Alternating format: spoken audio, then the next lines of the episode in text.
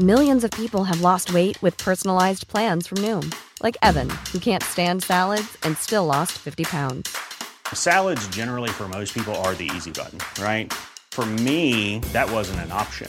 I never really was a salad guy. That's just not who I am. But Noom worked for me. Get your personalized plan today at Noom.com. Real Noom user compensated to provide their story. In four weeks, the typical Noom user can expect to lose one to two pounds per week. Individual results may vary. Den där... Den här bruden som du håller på med, eller nyss älskade. Prata inte för mycket nu, det här är en podd. Ja. Kan vi klippa tillbaka? Ja, får klippa i början. Nöden har ingen lag. Hej! Stötta gärna oss på Swish. Nummer 123 535 4857. Ni kan också följa oss på Instagram och Facebook under Cyril och Stig. Välkomna till ett nytt avsnitt. Vi sitter här hemma hos Stig på Lilla Essingen och dagens gäster är vi själva. Ja, och jag håller på att städa här. Ja, och Stig, ja, det är ovanligt. Ja, det, det, nu för en gångs skull ser det renare ut hos mig och hos mig klagar alla. Ja. Idag bara, så vi kan väl förbereda och lyssna på vad vi tänkte prata om. För vi tänkte mest komma in på utrikespolitik. Först lite kort om eh, valet som vi för, eller om re- regeringsbildningen som vi förutspådde skulle i, redan i höstas skulle ta ungefär fyra månader. Eh, men sen snarare tänkte vi prata utrikes idag och då Venezuela som ser ut att bli, eh, där vi har, kan bli en riktigt stor konflikt med Kina, Ryssland, USA, stormakterna inblandade. Jag, tycker, jag var föreläste nyligen här i veckan då i Jönköping och, eh, för, för autonom vänster bland annat. Och, eller som de har startat Folkets hus där och det var mycket, det var mest vänster men, men det var andra människor också. Och det var ett stort intresse för Syrien så det kan vi komma in på tycker jag. Sen tycker jag också Saudiarabien har spårat ur fullständigt de senaste månaderna. Och Venezuela sitter på världens största oljereserv, Saudiarabien på världens näst största. Så det kan ju också bli ett stort konfliktområde. Jag tycker vi kan komma in lite på det också. Allra först vill jag bara börja med att be om ursäkt som, som, som folk ändå säger att en positiv sida som jag har hos mig själv att jag erkänner när jag har fel och gör fel. Brukar, för ofta, inte alltid men oftast ändå. Och vi fick eh, ett berömmande mejl om podden från en kvinna som tyckte vi är jätteduktiga men var arg för att jag har nedvärderande syn på städerskor för att jag sa att städerskor i Karlstad eh, läser Läckberg i någon av de senaste. Ja, det var ju dumt. Ja det var ju dumt också och i synnerhet när nya kulturministern till exempel säger att hon läser Läckberg och när jag jobbar med Läck... I, I synnerhet som eh, Maja Ekelöf, den mycket fina författaren, hon var städerska just i Karlstad. Ja men inte bara det. Nej, också- Filipstad. tror Alltså, inte bara det att jag, jag, jag, jag, jag, jag, jag, jobbar ju också med Läckbergs redaktörsteam på Forum på Bonniers. Och skillnaden där är att hon säljer 300 000 och jag säljer 10 000. Men det är också med, med städerskor som du sa nu. Jag har läst en jättebra bok som heter eh, av en, en kvinna som heter Lucia Berlin som heter Handbok för städerskor som är hennes samlade noveller. Och en amerikansk författarinna som var verksam framförallt på 50-60-talet, ser ut som Elizabeth Taylor. Eh, gavs ut på småförlag så därför fick hon aldrig det stora genombrottet eh, under sin livstid. Men hon jobbade med ströjobb och sånt och skrev för underground-tidningar och sånt. Och bland annat som städerska. Claes Östergren som framförallt har blivit en lysande novellförfattare tycker jag från och med efter 40-årsåldern och sådär. Eh, han har skrivit förordet och är också helt knockad. Så den kan jag verkligen rekommendera ja. dig. Men ni kan också läsa Rapport från en skurhink av Maja är Ja, men det är en klassiker. Ja. Har, du, har du läst någon bok på senaste du vill rekommendera? Eh, ja, jag håller just nu på att läsa Per Westbergs bok om Bo Grandin. Som är väldigt bra. När, när Per är, är bra va, så är han väldigt bra. Och det här är ju då den tid när inte jag fanns. Va? Tidigt Ja. 50-tal och så fram över 60-talet. Men jag, alltså, vissa känner jag ju till. va. Eh, och jag läser om just sommaren 1955 då jag faktiskt föddes. Mm. Så det, det är väldigt roligt för mig i alla fall. Ja. Okej, men hur, hur, hur ska vi, vad ska vi, om vi pratar lite kort om det som hände då. Vi förutspådde rätt. Det tog exakt fyra månader ungefär eh, med regeringsbildning. Eh, hamnade vi bredvid Daniel Suhonen på någon middag för några veckor sedan.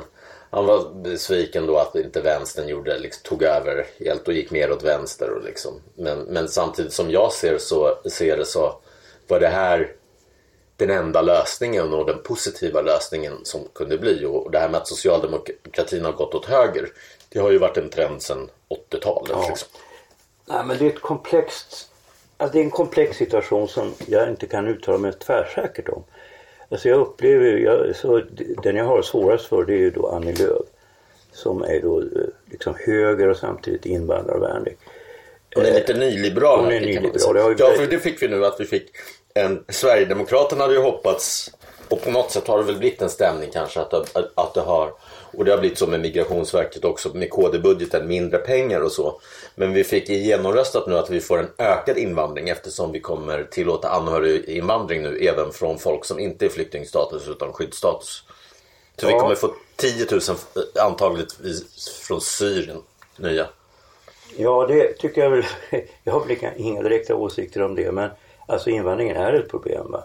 Och när man då inte vågar ta i det så eh, då kommer det ju bara...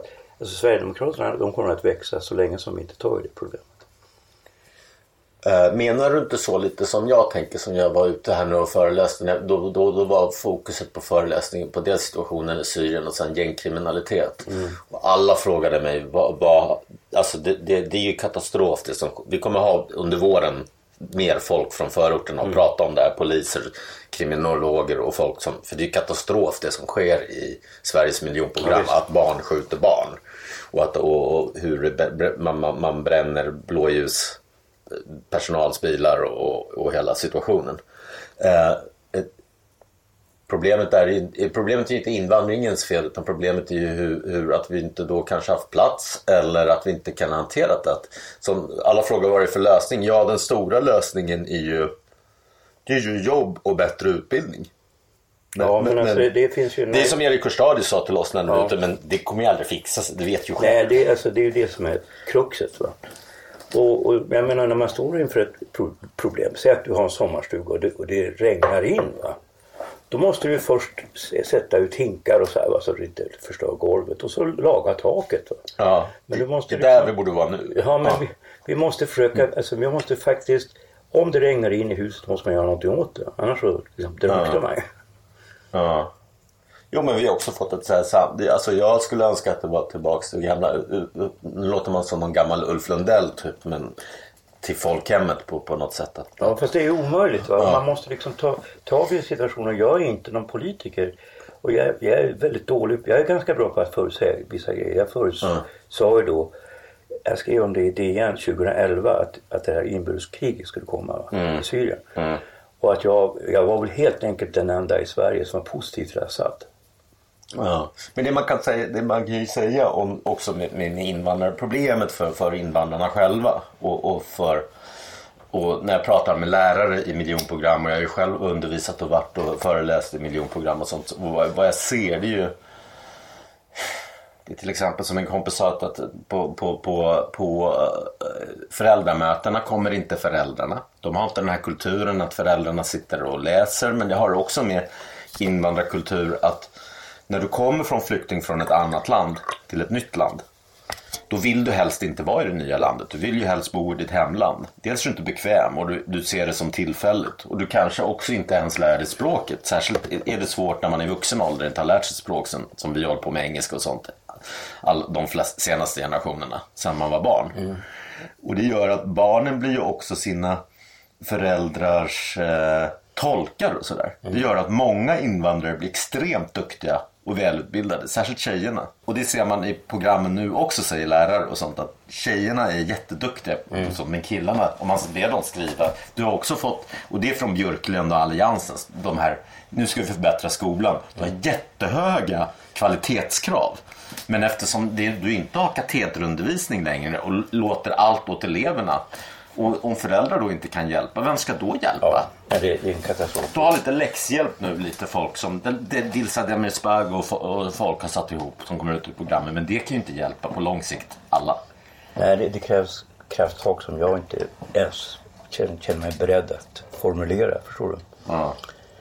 Men eh, eh, om vi inte kan lösa det ska vi gå vidare till Venezuela.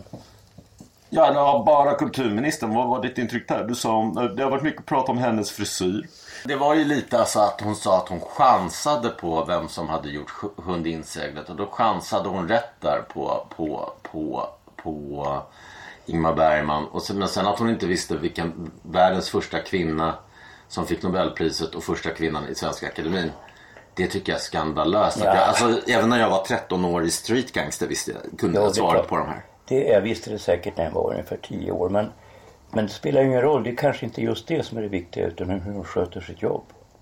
Och man undrar om det är någon på ministernivå och inte kan svaren på de här frågorna. Alltså, Vem som har gjort Dr. här- Glas eller, eller Gösta Berlings saga eller, eller det här med första kvinnan i Svenska Akademin Nobelpriset. Det hade varit en skandal i Tyskland och Frankrike och det är det som gör att Tyskland och Frankrike är kan man säga mer solida eh, kulturnationer än vad Sverige.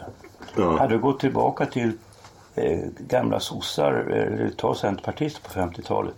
Det är klart, eller moderater eller högerpartiet som det hette då. Det är klart att de, bildningen var generellt sett högre tidigare. Det, det, det tycker jag att jag märker att min bildning inte, min allmänbildning när det gäller kulturhistoria så, den är ganska stor det måste jag säga. Mm. Men den är ju, när du läser om de som är i 70, 80, 80 årsåldern idag va, så är ju de som är bildade där, de är mycket mer bildade än vad jag är.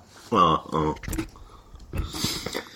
ja. Okej. Men ska vi gå över till eh, Venezuela? Det är idag söndag den 3 februari och Stockholm är mer insnöat än vad det aldrig varit förr. Jag ser, Ja, vackert. jag ser folk, eh, kompisar på Instagram som bor i villor och sånt hur de bara står och svettas och skottar. Jag vet, hon har skrivit just. Jag har just kommenterat att jag hela min ungdom var tvungen att skotta för pappa hade fel på eh, höften och mamma i ryggen. Men det är ju ett land som Venezuela då helt plötsligt, det, det, som, det, som har varit konflikt, ja det har väl varit kamp- konflikt, ja men det har varit riktig konflikt sen Chavez dog. Eh, kan man väl säga. Men, men, men nu, nu står det, ja, nu är det nästan på revolutionsnivån. Som Bob Marley sa, en hungry mob is an angry mob. Ja, så är det. Eh, och eh, Guaido då som har... Guaido heter Guaido som, som har, som har, som har eh, utnämnt sig själv till president trots att de har haft typ 25 val de, de, de senaste åren. Maduro då vann det senaste men det är väldigt ifrågasatt. Eh, om, vi, om vi, försöker få ha både, vi måste försöka få ha både ett vänster och högerperspektiv här tycker jag när vi pratar om Venezuela. Eh, han har uppmanat till massdemonstration och det är det ju. Det kan bli. Och Trumps eh, säkerhetsexpert gick ut i, i natt i, i Twitter och sa att militären bör stödja, bör stödja dem och folket. Samtidigt har du då Ryssland som har ett oljebolag som har investerat eller där man har pantsatt eller sålt till så mycket, det handlar om så mycket att Ryssland förlorar 100 miljarder om, om, om Maduro faller. Man har också slutit avtal med Kina i fråga om olja. Så, så det, är en stormaktskonflikt har det blivit där. Uh, eh, och, och, och där har då Guaidó gjort ett nu snilledrag och sagt att ingångna avtal med Kina gäller även om han blir kvar. Liksom. Men, men det är en konflikt som, alltså, där stor, tre stormakter är inne och det är precis som i Irakkriget att det är olja det handlar om också. Ja, alltså det, det De sitter, det, det, jag ska bara säga det innan du invänder. Den, bara för lyssnaren. Eh, Ven- Venezuela sitter då på världens största oljereserv. Eh, Saudiarabien sitter på världens näst största. Man kan ju fråga sig då hur, hur då, det är också det, det är det allra värsta för folket i Venezuela. Att det är 2 till 300 000 som riskerar att dö av svält eller att de inte får medici, medicinär hjälp. Man kan ju fråga sig då ett land med så mycket olja att det kan vara en sån humanitär katastrof i det landet också. Även då om det har varit socialistiskt då sedan början av 90-talet. Ja, alltså det är, ett, det är väldigt svårt och måste, man må, måste använda sig av generaliseringar. Och hur mycket man än läser på, läser på om sådana här ämnen så utgår du ändå ifrån dig själv och dina erfarenheter. Och mina erfarenheter av Venezuela är lite speciella. Därför jag tror att de här kulturella skillnaderna mellan olika folk och, och historiska skäl, hur det har blivit som det har blivit. Va? Alltså Venezuela hade ju en lång tid av när de hade ett, en stor, väldigt stor medelklass. Ungefär en tredjedel av befolkningen. Jag har läst på den här Henrik Brandao Jönssons artikel.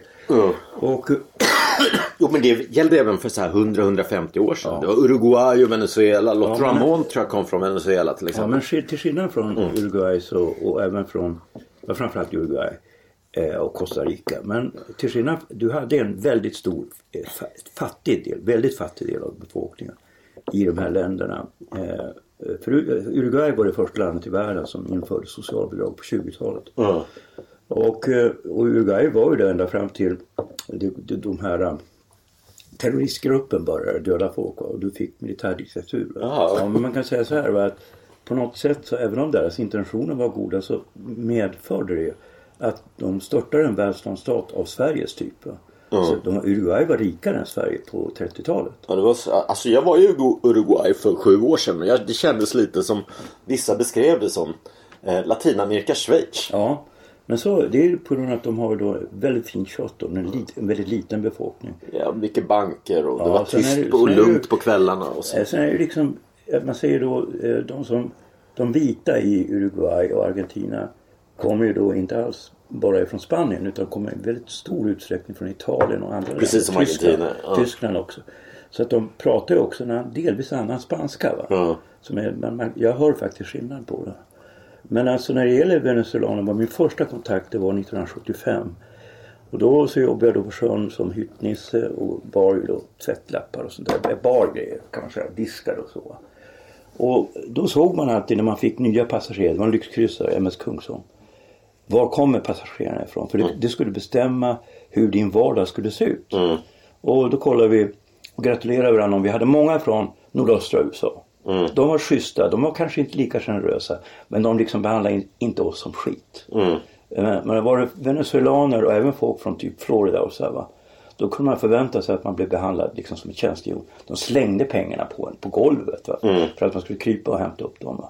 Och de, alltså, venezuelaner kunde, alltså det, det här är ett extremt exempel, men de kunde använda fåtöljen som och, skita i. Och äh, folk, de var liksom uppträdde som du tänker väldigt rika Var det här 70-talet eller? Ja, 70, 75. Och, och därför så, när då min kompis Lasse, han var då i Venezuela 1979 i tre månader därför att hans dåvarande tjej, hennes stora, hennes stora syster var ihop, var gift, eller ihop med en väldigt rik venezuelan. Så han bodde där i, inom överklassen kan man säga. Och där var det så att jag frågade honom när han kom tillbaka till Sverige. Vad var det du tyckte var konstigt i Venezuela? Jo, sa han. Det jag tyckte var mest konstigt. Det var att alla ljög om vad de åt till lunch. Det här Alla tror jag berättat i en annan podd. Ja. Ja. När vi pratade, när vi hade en Bengt Norberg här tog du upp det. Ja, ja. Ja men du kan ta upp det. Ja, Alltså de, de ljög om vad de äter till lunch. Och jag tänkte ju allting som jag tycker är konstigt det lägger jag i bakhuvudet. Och sen funderade jag till jag kom på lösningen. Mm. Och sen så, då, jag tänkte vad fan ljuger man om vad man äter till lunch? Jo, så här är det. Alltså, när, om alla lär sig att ljuga bra. Vad ska man börja med att ljuga? Man nu ska träna sig för att ljuga. Jo, då ljuger man om man äter till lunch. För man kan göra misstaget säger va. Det spelar ju ingen roll va. När du är jättedålig på att ljuga då kan du inte ljuga heller om viktiga saker. Jag är, jag är till exempel väldigt dålig på att ljuga. Alltså det krävs ju väldigt krisartade situationer för att jag ska ljuga. Alltså jag kallar ju inte. Jo, jo, du, men du har ju också drag av Asperger så du kan Nej det har jag inte alls. Men alltså jag är väldigt hederlig helt enkelt. Och, och alltså grejen med det, det är att om du får en hel befolkning som är väldigt bra på att ljuga så startar du det här att eh, kvinnan litar inte på mannen. Alltså mamman litar inte på pappan. Pappan litar inte på mamman. Så då drar pappan. Och sen drar mamman. Alltså varför viktas lögn hårdare än mord i, i, i tio Guds bud? Va? Alltså lögn räknas ju som ett väldigt, väldigt svårt eh, brott. Det är ju så här va, att om vi tänker oss ett mord, va, det är ju en katastrof. Det är en Ja. katastrof om jag blir mördad för mig fall. Mina anhöriga. Men eh, ett mord, det förändrar ju inte hela världen. Va? Men en lögn, när den sprids i ett samhälle, då sprids en, en, som en, en bakteriehärd ut. Ett samhälle där ingen ljuger, va? eller väldigt, väldigt få ljuger. Som i Norrland där jag växte upp. Eh, där räknade man inte med att folk ljög. Va? Och folk, det var ju nästan överhuvudtaget ingen kriminalitet. Det fanns inte nästan. Alltså jag har ju läst då. Jag känner en poliskommissarie som har skrivit deckare, Åke Axelsson. Och jag har ju då även läst hans, hans nästor, hans eh, hans föregångare Filip Gerhardsson som skriver om, om kriminaliteten i, i Västerbotten på 40 och 50-talet. Och det handlar ju bara om hembränning och trafikgrejer. Eh, och varför var det på det sättet? Jo, de ljög inte. Och, Men vad- om vi, om vi tar något annat norrländskt, till exempel tjuvskytte som, alltså den här Ja, men- filmen men- Jägarna till exempel. Ja, Då alltså- ljuger du ju för samhället. Men alltså tjuvskyttet var inte heller något stort problem på 50-talet. Mm, mm, Utan det var ju framförallt hembränning och eh, trafikproblem. Jag säger att han nämner inte ens tjuvskytte en enda gång. Utan eh, folk var väldigt heliga och raka och ärliga. Va? Och det där är ju kulturellt, eh, alltså det har ju med kultur att göra. Och då är det på det sättet, varför var, var, tyckte vi så, att det var så obagligt att ha med venezuelaner att göra? Därför att de var, de var ju rika och betedde sig som svin. Va? Det är så många rika människor beter sig som svin, eller nyrika människor kan göra det. Inte, all, Nyrika? ja, inte alla, jag säger inte alla. Men de kan göra det. Och du måste ha fördomar om du rör dig i en verklighet. Om du säger att du jobbar på sjön och du har att göra med människor som beter sig illa, som kommer från ett land. Va? Vi hade bara amerikanska och venezuelanska passagerare. Ingen från ett annat land. Och, och då så, det här med lögnen, då tänker jag mig, ja men varifrån kommer gatubarnen? Ja men mam, pappan har dragit, mamman har dragit. Jag vet ju då, jag var ju tillsammans med en tjej då från Spanien. Hon berättade ju det att då pappan drog och sen drog mamman ibland och hon skulle sköta sina småsyskon. Hon var 5-6 år. Och, och jag menar det är en katastrof för familjen. Va? Och då har det att göra med så här kulturella värderingar. Och när det gäller då Venezuela så berättade min kompis att, att eh, den här, alltså hans eh, svåger eller vad man ska kalla det. Eller inte svåger, hans, ja nu du fattar. Eh, alltså farsan till dem, han ägde då massa jävla sågverk. Och var big inom det. Va? Han var tvungen att varje dag oannonserat gå in på alla kontor, eller inte alla, men alltså utan att de visste ska de dyka upp. För folk, de liksom, de kom inte till jobbet. Och du var tvungen att sparka alla som inte var där. Alltså det var inte så att de sjukskrev sig. De, de, de bara dök inte upp. Ingen litade på någon. Va?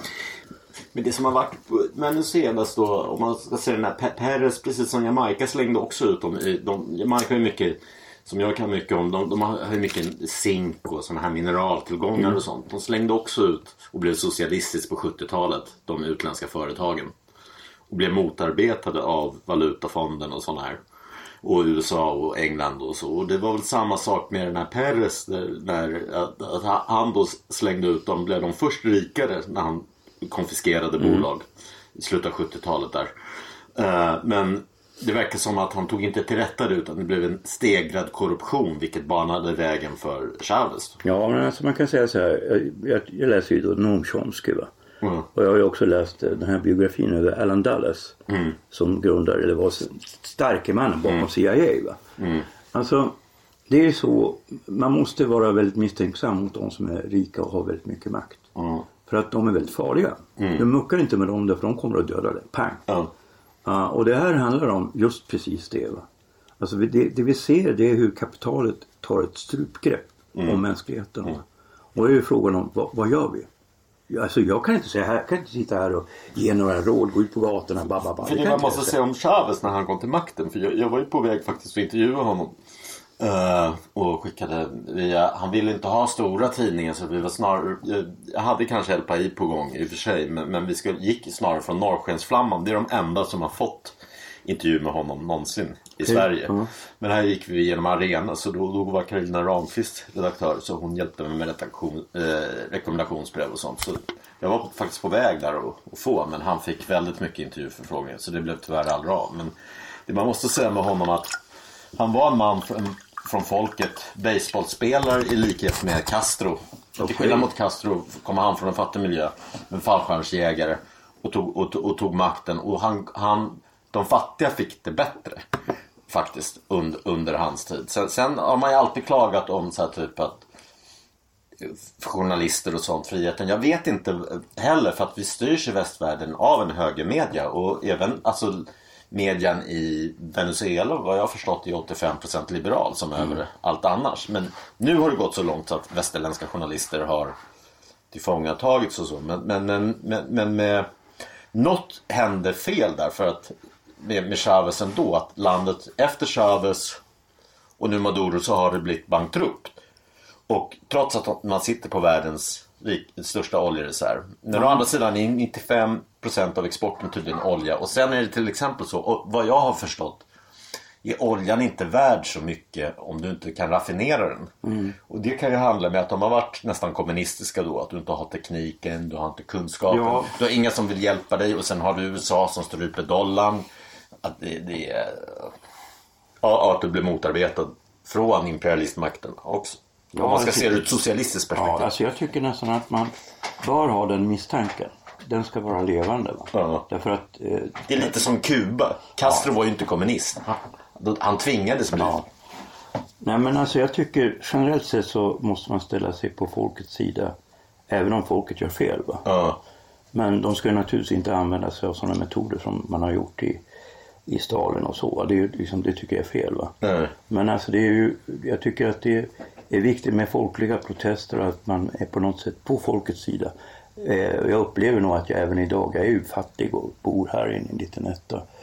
Och jag känner, de jag känner är framförallt folk som är vanliga arbetare. Och, eh, så jag känner rent instinktivt när jag läser om det här va. Att jag känner nog att jag skulle nog, utan att veta närmare så skulle jag nog demonstrera för Maduro mot Guaido.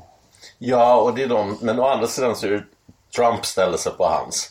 Och Trump har också, då också Colombia och Brasilien. Men det är också där vägarna in nu med humanitär hjälp kommer. Men i Brasilien har du fått en ännu större galning än Trump.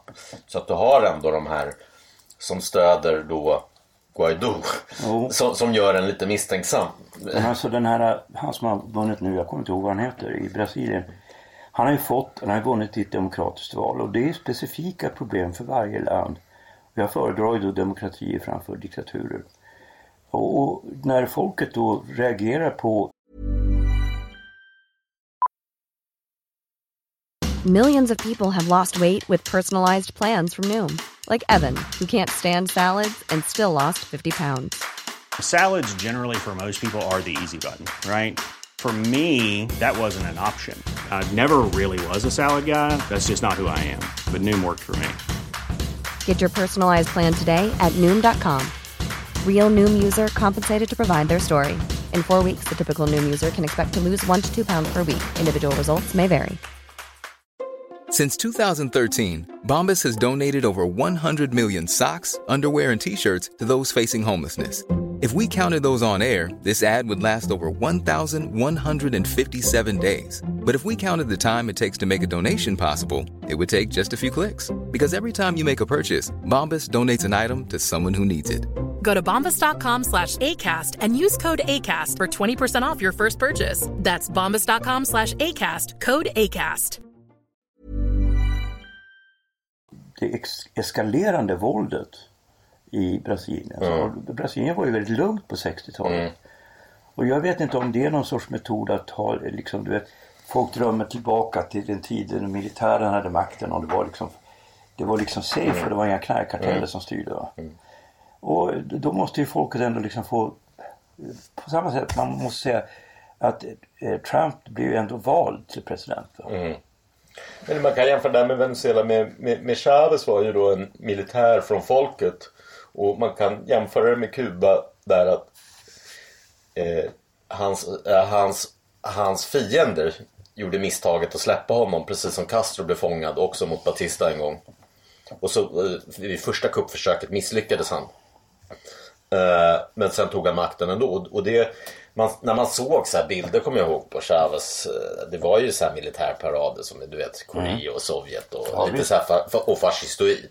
Ja, så han verkar ha haft militären mot sig. Men det som har hänt nu är ju att också som har hänt nu här de senaste tre dagarna. Alltså när, när den här podden släpps så kan ju Guaido ha tagit makten. Ja. Alltså, men det som har hänt nu är att en av de högsta officerarna, typ en general för flygvapnet. Flyget har förresten alldeles nyligen fått nya plan från ryssarna. Putin stöder Maduro, mm. vill säga då. Eh, men, men eh, han har hoppat av och säger att 90% av folket vill ha Maduro i ett, i ett YouTube-klipp som sprids över hela Venezuela. Det, det, eller vill ha bort Maduro, säger den här generalen. Och, och ber andra poliser hoppa, och generaler hoppa av. Medan Guaido samtidigt känns desperat och säger, går ut med bild på sin dotter som är döpt efter någon frihetskämpe och, och sin familj och säger att om polisen gör något mot eh, mig eller min dotter och min familj så, så kommer ni ställas till svars. Liksom. Mm. Så, så det, det är ju det, är också, det är också, känns ju också som att militären och polisen i Venezuela har en väldigt stor makt och du frågar om kan det bli som det blev i Östeuropa 89 att de byter sida? Det var ju Ja, så så Östeuropa ser, föll. Så ser det ut. Alltså, rent praktiskt sett så är det ju så att om du har en folkmassa som är större, jag skulle säga rent logistiskt sett, större än 200 000. Mm. Så då börjar militären svaja. Va? För att det blir ett praktiskt problem att skjuta folk. Va? Ja. För är det så pass många som 200 000, då måste vara åtminstone 50 000 som är beredda att dö. Det var de ju inte i Katalonien till exempel. Mm. De var inte beredda att dö för att de skulle skilja sig från Spanien. Nej, och då ställde de in sin eh, revolution. Va? Men det handlar ju om att folk är beredda att dö på gatan. Va? Sen- Om, om de inte är beredda att dö, då har du liksom ingen makt emot militären. Jag tycker väldigt bra om de Venezuela jag har- känner och de har väldigt stor humor. Det, det folkmassan, jag lyssnade på, på The Guardians nu, deras live-tv. Det folkmassan skandrar nu under den här demonstrationen det är Yo quiero whisky, yo quiero ron, para celebrar cuando se vaya este cabrón. Och det betyder då jag vill ha whisky, jag vill ha rom. Tills den där bastarden är borta. Så det är inte mat de skriker Nej, men det är typiskt. Eller det är lite charmigt men, men samtidigt, alltså om du tänker efter. Eh, alltså jag, jag, jag är liksom, jag tycker att man måste ta med i beräkningen. Okej, jag vet inte allt om det här va. Jag kan inte säga att jag är en expert. Men alltså, ta med de här kulturella skillnaderna. Och jag blev helt skräckslagen. Jag minns vi var på en middag hos eh, Karin Lind, scenografen. Jag och min fru Nathalie. Eh, och då så, eh, så, jag har ju berättat det här om det här med lögnen va? och att det är det som gör att gatubarn uppstår. De regnar inte ner på marken från himlen. De kommer någonstans ifrån. Det är alltså en mamma och en pappa som har lämnat dem Ja. när de är tre år. Och, och då så, eh, det är inte fattigdom, det är fattigare i Afrika än vad det är i Sydamerika. Mm. Och, och då så eh, är det så att då har det någon anledning. Och så sa det, det med luncherna, det är jätteviktigt. Att de ljuger om varandra till lunch. Och så sitter vi där, så där har ju Nathalie hört va. Så sitter vi där på den här middagen och så frågar jag då sonen som bor då i Sao Paulo. Mm. Ja, ung kille, han var säkert 22 eller någonting. Det var ju länge sedan, han är väl 35 års ålder nu. Eh, frågade jag liksom, hur är det tycker du? Ja, det är väldigt fint. Han, tyckte, han trivdes väldigt bra i Sao Paulo. Det ska vara en väldigt trevlig stad. Mm. Men han sa det är väldigt konstigt. Alla ljuger om vad de har käkat till lunch. Ja, men det- då såg jag på Nathalie. Har Stig rätt om det här också? Ah, Ja, men det där tror jag, det där tror jag kan delvis bero på något som, som, som du inte kommer gilla att jag säger nu, men som är min teori. Det är ju att det är katolskt. Hela Latinamerika är väldigt katolskt präglat. Mer än Spanien och Italien på ett sätt. Och att, att du i... Jag har ju själv haft i mina, när, på, på den tiden när jag levde dekadent och, och våldsamt och kriminellt när, och, när jag var ung och sånt. Då tyckte jag att det där som i Gudfadern, det verkar perfekt att vara katolik. Att det bara går att bikta sig. Du kan vara otrogen, du kan döda. Nej, Okej, så går är du det. bara och diktar det Ja, jag år. biktar mig faktiskt regelbundet. En gång per år. Eh, Det är inte så enkelt ska du tro. Nej, men jag tyckte också från, från barndomen där när jag reste så mycket med pappan i, i katolska och, och även brittiska kolonier och sånt här i Västindien och, och sånt att jag tyckte det var mycket fattigare och mycket misär i de länderna som katoliker som, som fransmännen och spanjorerna hade haft än i de brittiska. Britterna såg alltid till att lämna sina kolonier med, med en demokratisk infrastruktur. Och det handlar om att det är parlamentarismens hemland och sådär. Men, men ändå. Ja, det vet jag inte Det känns som att britterna var schysstare än, än vad katolikerna Ja. var. Alltså kolla på, då är ju fransmännen överlägsna. Om du tittar på Ja, fransmännen. Vietnamkriget, fra- det är ju fransmännens fel i grunden. Var det. Ja, men alltså om du tittar på eh, hur, alltså om du tittar på Västafrika. Eh, hur de nationer där som tidigare har varit franska som Ma- Mali till exempel nu va. Mm. Eh, vad händer då när de får problem? Nu de vänder sig till Frankrike. Och de kollar handelsavtal i Västafrika så är det ju då, alltså vilka, vilka är det som gör business med, med Kina nu? Det är framförallt eh, före detta brittiska kolonier. Engelsmännen var inte alls så schyssta som du tror. Då var ju fransmännen schyssta och kanske de som var schysstast om man läser Jan Guillou var tyskarna. är ju också lite präglad från krig och sånt och särskilt nu när jag själv var i krig i Syrien och mötte brittiska soldater. Jag har alltid tyckt att brittiska soldater är mycket mer gentlemän än andra. Att som på Balkan och det begås våldtäkt eller när ryssarna skulle befria Tyskland. De våldtog miljontals tyska kvinnor och sådär. Medan brittiska soldater skulle aldrig få för sig att hålla på med sånt. Nej. De har ändå betett sig bättre. Ja, det Deras gjorde väl även makt. tyskar, det gjorde ju både tyskarna och engelsmännen gentemot de som inte var judar. Va? Eller så kallade Mm. Ja, undervärdiga folk. Va? Men alltså, man kan ju säga så här. Det här är bara vad jag liksom upplever själv. Jag har inga statistik, inga fakta. Men jag upplever att det är skillnad på olika kolonialmakter hur de har uppträtt. Och vad det beror på det kan jag inte svara på. Men Belgien lär ju vara det värsta exemplet. Ja, Belgien är och värst. Holland också. Och Belgien katoliker. Och Holland, eh, ja, det är delat. Holland är ju också, alltså deras förhållande till Indonesien. Du vet att det, det, fick, var ju inga som fick plugga i Holland, Mm. i Indonesien. Va? Och det gjorde att förhållanden för holländarna när, när först japanerna kom och sen indonesierna liksom fick makten. Va? Så var det ju outhärdligt. Jag jobbade med en snubbe som var chef för mig, eller han var steward. Va? Eh, och han, eh, han var uppvuxen i ett koncentrationsläger som japanerna hade. Han såg sina föräldrar bli dödade av japanerna. Och kom till Holland som ett, ett benrangel. Och hyrdes ut till bönder som var enormt elaka mot honom. Han rymde då till Njuga Amsterdam som var motsvarigheten till Kungsholm och Gripsholm. Och Queen Mary och Queen Elizabeth. Och, och liksom det var hans mamma, det var new Amsterdam. Okej, men om vi ska avrunda Venezuela och gå vidare. Eh, alltså, vad tror vi kan hända? Alltså, han, Guaido har, har då neutraliserat Kina kan man säga då med det här med att ingångna avtal gäller. Och med de här. Det är konstigt också att EU har efter Brexit förlorat totalt sin makt. EU sitter fortfarande så här. Ja, vi ska komma med något utlåtande men de har fortfarande inte tagit parti liksom. Och sen Brexit så har de förlorat helt sin makt. Det var förra veckan ett upprop där Europas 30 största författare eh, inom gick, gick och sa att Europa håller på att förlora allt, tappa allt, eh, liksom, trovärdighet och status och allting. Det, det, det sattes igång av Bernard Henri Levy som jag för övrigt intervjuade för, för Judisk krönika för två år sedan.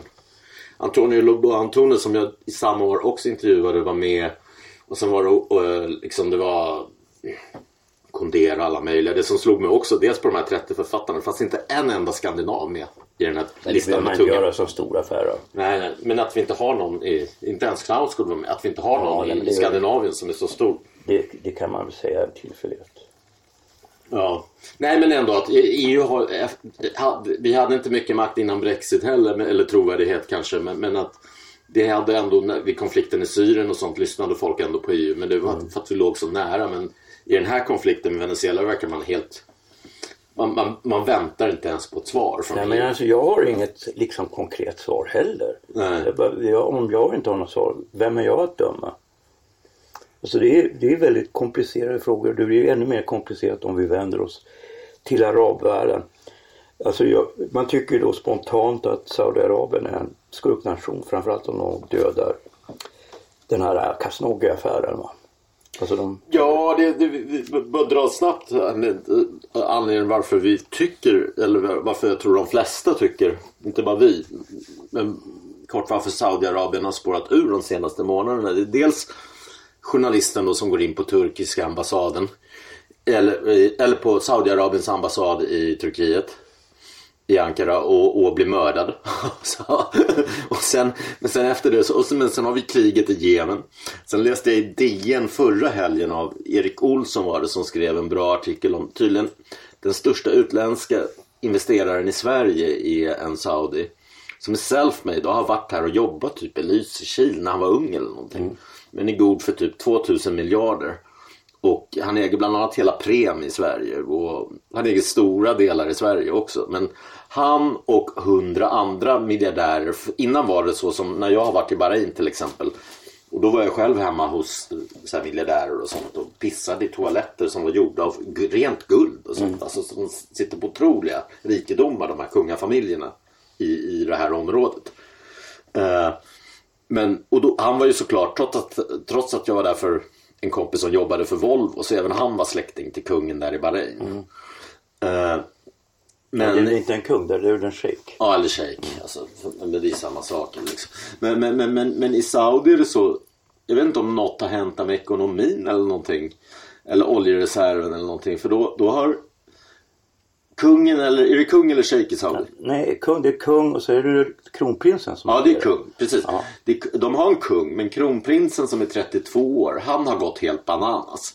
Så, så att det här har ju börjat under att han har mer tagit över makten. Dels den här journalisten de dödar. Sen har vi kriget i Jemen. Sen har vi då att de kidnappar de här 100 miljardärer och bara sätter dem i husarrest på, på ett lyxhotell och inte låter komma ut. För att, med, anklag, med anklagan om korruption då. Så Ja, vi, ha, vet- de, vi vet ju ingenting. Ja. Vi vet ju ingenting och jag tycker man ska förhålla sig eh, så länge som man inte vet någonting ska man inte vara så jävla tvärsäker. Jag tänker på i veckan så vann ju Qatar över Japan i asiatiska mästerskapen i finalen. Och jag och min kompis Kim vi såg finalen faktiskt. Jag frågade i tobakskiosken här där jag köper mina cigaretter. Och det är någon, en äldre man, det är han, som är, han är brorsa till han som har det tillsammans med sin son. Och de är väl, eh, de kommer från Irak och tillhör någon form av, jag vet inte vad det är för minoritet, men någon sorts kristen eller om de tror på Göran Stöparen eller vad det är. De är väldigt schyssta så. Och, men de höll ju naturligtvis på Qatar bara för att de är liksom araber. Va? Och när man, jag läser då, om det var Erik Niva eller Simon Banks eh, krönika om Qatar, jag tror det var Simon Banks. Att det är svårt att ogilla laget för att de spelar fantastiskt bra fotboll. Samtidigt lyckas de muta sig till ett helt VM. Ja, så så kan de inte man- ha mutat Japan då också. Nej, det hade de inte gjort. Japanerna ska absolut inte bli mutade. Utan, och det handlar om väldigt rika människor, de här japanska fotbollsspelarna. Vad ska de bli mutade för? Nej, utan de spelade väldigt, jag såg ju matchen, de spelade väldigt attraktiv fotboll. De är inte så individuellt skickliga men som lag är de väldigt Var det skickliga. importer då som fotbollsspelare? Nej, de är liksom, de är i, i småklubbar va. Nej men alltså var det importerade folk som har Nej, medborgarskap? alltså det de har gjort är att de har ju försökt på olika sätt köpa. Men Fifa är en stark organisation. Så de har sagt nej, du får inte köpa spelare. Va? De måste liksom vara eh, eh, över 18 år eh, och så, då ska de ha bott i landet i fem år eller något sånt där. va? Förstår du? Och de här spelarna har ju liksom, det är ju massa gästarbetare som bor i Qatar och de, barn till dem de kan bli bra fotbollsspelare. De här väldigt rika människorna, de blir liksom inte fotbollsspelare ofta. Nej. Utan det är de som är fattiga. Och sen har de då dammsugit afrikanska kontinenten. Och afrikaner som jobbar där. Va? Mm. Alltså de stora, den stora stjärnan eh, Almoez Ali. Han eh, är ju då född, eller inte född, han kanske är född i Qatar. Eller också Sudan. Han kommer då, eh, ena föräldern i alla fall, eh, halvsu- han är halvsudanes, halvkatarian eller vad man, Qatar kanske man säger. Eh, och det hela, alltså när man ser då glädjen hos människor. Det var ju samma sak, jag var i Brunei 2004. Jag tänkte göra, jag gjorde ett reportage för DN. Det här var efter kungens uttalande för jag tyckte media var orättvisa mot kungen. Vad ska han säga? Eh, här är ett hemskt land när han blir inbjuden av sultanen av Brunei som är en vän till honom, personlig vän. Han är ju som mest kompis med kungen av Jordanien och sultanen av Brunei. Så jag tänkte jag åker dit och kollar. Jag åkte till de här uh, oljeraffinaderistäderna där det är ingen turist där. va. Det fanns inte ens ett vykort från stan. Ser jag. Och jag gick omkring bland hyreshus här, du vet. Kolla läget va. Och man kan säga det såg ut som Sverige på 60-talet. Och de som var gästarbetare där de blev väl inte mer illa behandlade. De blev förmodligen bättre behandlade där än i, i, i Gulfen. Ja, alltså i Kuwait. Det är ju de- demokrat, det där höll jag på med när jag pluggade statsvetenskap. Att det är ju ett demokratiskt problem. Jag såg att i Bahrain att när vi snackade så här med olja, varför Venezuela, hur fan kan de vara så fattiga? För att alla, alla som kom från Bahrain hade det ju bra. Samtidigt var det just Shia som behandlades illa för att de var, Ja, de var som ett ter- terrorhot. Ja, majoriteten också alltså majoriteten i, i Bahrain är alltså shia. Jo så. precis och de behandlades illa men de hade ändå så här gratis telefon och de hade Ja. en hög ändå välfärd. Medan liksom vad- med Kuwait har jag förstått från folk som har jobbat där som jag känner och sådär. Så att de här pakistanerna och jag har mött folk också i Indien och sånt som varit gästarbetare i Kuwait. De här indierna, pakistanerna och filippinerna som de sitter där på fyraårskontrakt får fem semester var tredje år eller någonting Ja, för slavlöner. Så, så Ja, och jag, menar, jag vet vid ett tillfälle, det var faktiskt, här har jag berättat för någon. Det var när jag skulle flyga därifrån. Mm. Så var det en, en person som satt bredvid mig som tydligen var någon form av gästarbetare. Ja. Som blev illa behandlad av, av flygvärdinnan. Och då sa jag, gav jag henne en upp, uppläxning. Ja. Så här behandlar inte man sina medmänniskor. Och hon blev liksom helt ställd. Jag Här kommer en alldeles uppenbart vit person och eh, läxar upp henne för att jag tycker att man ska behandla alla människor likadant. Sen har jag faktiskt jag mellanlandat både i Qatar och framförallt Kuwait ofta. Och man blir när man du har gått in och satt med någon lounge eller någonting då för att vänta på nästa plan några timmar. Man blir ju uppassad på ett sätt som nästan för mig känns lite så obekvämt. Ja, Man ligger som en liten pascha och bara får allt serverat. Nej, men jag kan tänka mig att de som flyger dit och ska kolla läget, om de är då inbjudna, blir väldigt väl behandlade och att de har, har svårt att göra en korrekt bedömning. Ja, ja, Det kan jag förstå. ja. Okej, nej men vi vet för lite faktiskt om Saudi och vad som kan hända Ja, alltså, där. jag har ju fått höra av en kille som är väldigt välinformerad och som han, han informerar sig via olika sajter på internet som bor här. Han sa det att han berättade om det kriget i Jemen innan kriget i Jemen hade utbrutit. Ja. Han sa att det kommer att bli ett krig i Jemen. Och det beror på att de oljekällor som Saudiarabien har, som är framförallt nu, som inte är utvecklade, de ligger i gränsen mot Jemen. Ja, Så det är egentligen ett krig om olja i Saudiarabien.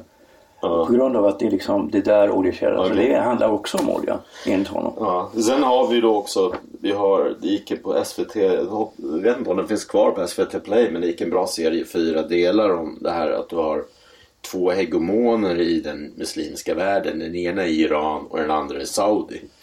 Båda vill ha kontroll och man kan ju tycka att fakt, väst har stött Saudi, men på ett sätt har ju Saudi, många där, det är för många där som har stött IS. Så att, så, så att Iran har ju faktiskt betett sig bättre nästan.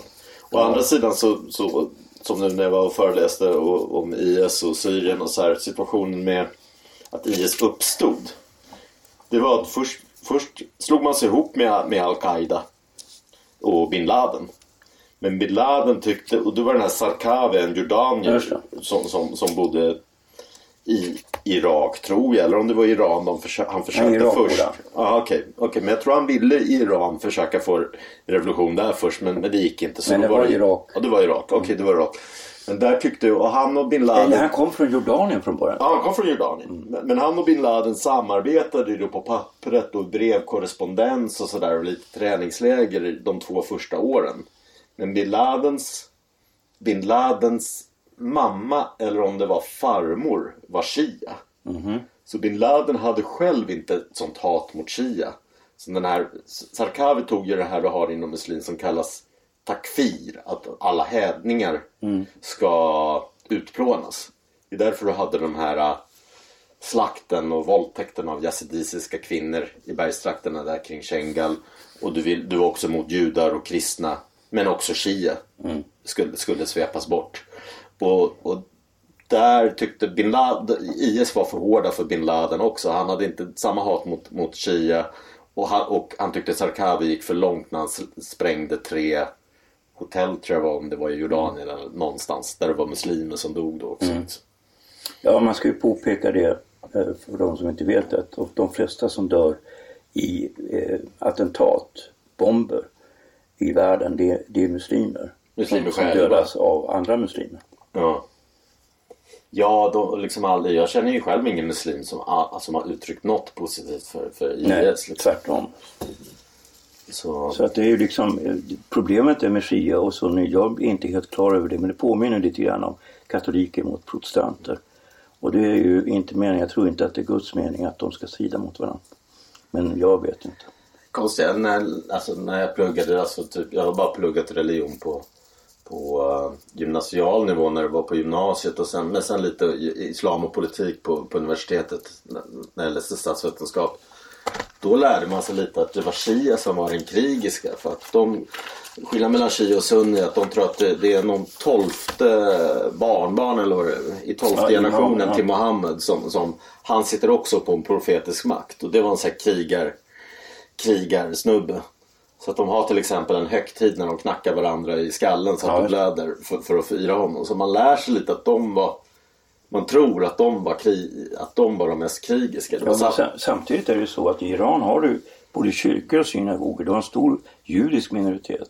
Det är ju paradoxalt Ja. eftersom de är så Men aggressiva. där har du också att i- britterna lämnade Iran med ett parlament där alla grupper skulle få ingå till exempel. Ja, men sen så upphörde ju, alltså det var ju britterna, var då britterna? Alltså när- 1953 när Mossadegh skulle nationalisera oljan. Det var ju British Petroleum, BP, som stod för eh, kuppen mot Mossadegh. Och som då eh, gjorde att det uppstod en sorts, alltså när shahen kom till makten så kunde folk, det var sån hård, Sarak var ju så fruktansvärt hårda och stora va. Det var en sån enormt stark militärdiktatur. Förmodligen eh, starkare än vad det var i Sydafrika, eller i alla fall jämförbart. Och eh, det gjorde ju då att folk, jag känner ju då folk, de kunde inte prata annat än med, med sina familjemedlemmar. Och de var då kanske kommunister sedan 53 va. Fast det, han var inte kommunist, han var ju mer USA-vänlig. Va? Men, men alltså han vill, tyckte att vad ska British Petroleum ta oljan från iranska folket? Där ska man säga också med att, att, att alltså situationen i den här delen av Mellanöstern en, en hel del är britterna och fransmännens fel. Att man ritade upp länder som Jordanien och Syrien. Att det är inga nationalstater som Sverige till exempel. Utan alltså det är för hundra år sedan de här ritades upp med linjaler. Ungefär som när man ritade upp Afrika. Liksom. Jo, och vi har Palestina och, och Israel och, och liksom, hela, hela det här området. Men alltså om man tittar kallt på det, alltså jag har ju då läst Drömmen av Damaskus flera gånger av Aron Lund. Eh, som är en väldigt, väldigt bra bok. Och han ger ju då en, en alltså när jag tänker på det, så här, man ska inte kritisera folk i efterhand när de är döda och så, det tycker jag generellt sett. Men om man tänker på hur, hur situationen var då för dem. Eh, så var det ju så att det var ju liksom inget land, du måste ju, ha, du måste ju ändå styra det på något sätt. va? Och det man gjorde då det var att man delade upp det i olika regioner. Dels för att hålla kontrollen att man skilde mellan Mosul och, eh, nej vad heter det, mellan Damaskus och, ja det är Mosul. Eh, som var i norr va. Eh, de var i olika regioner och så hade man en för att skydda minoriteterna. Så hade man en region för druser i en region. Ja, du vet. Och det där var ju till för att det inte skulle uppstå sidor. Man visste ju liksom inte vad som skulle hända. Så att man kan ju säga att kolonialmakterna delvis försökte avvärja eh, inbördeskrig också. Ja, det var ju alltså som filmen Lawrence of Arabies visar. Det var ju beduin- beduinstammar och det var stamkrig på något sätt också. Ja. Liksom, det som vi är. Ja, det är väldigt mycket vi inte vet. Det är kanske en bra avslutnings... Ja. Ska vi sluta här eller ska vi gå in på Syrien också? Äh, jag tycker jag känner mig alldeles tom i huvudet. Ja, vi har kört en timme nu. Jag tror inte lyssnarna orkar mer. Vi får ta Syrien en annan gång. Dorci Kobane som vi hade. Den här kurdiska soldaten, läkaren som vi hade. Han vill gärna komma tillbaka. Så vi kan ju, gå, vi kan ju ta ett särskilt avsnitt om Syrien och Kurdistan. Och, för där är ju inte situationen heller enkel nu. Nej. Att kurder, för kurderna har, har Trump tar bort sina äh, trupper och de hjälpte ju kurderna förut men nu har de då fått Turkiet på sig och måste mellanhandla med Assad. Och det är massor. Vi får ta det i ett, ett särskilt avsnitt. Mm, vi säger det. Ja, det är bra. Eh, Men vi kan också tipsa om att vi kommer under våren ha en skrivarskola. Eh, intensiv 4-5 dagar i Stockholm. Eh, 5000 kronor. Man kan mejla till cyrilochstig.gmail.com. Jag kan tänka mig att det blir april eller maj eller någonting. Tack för oss.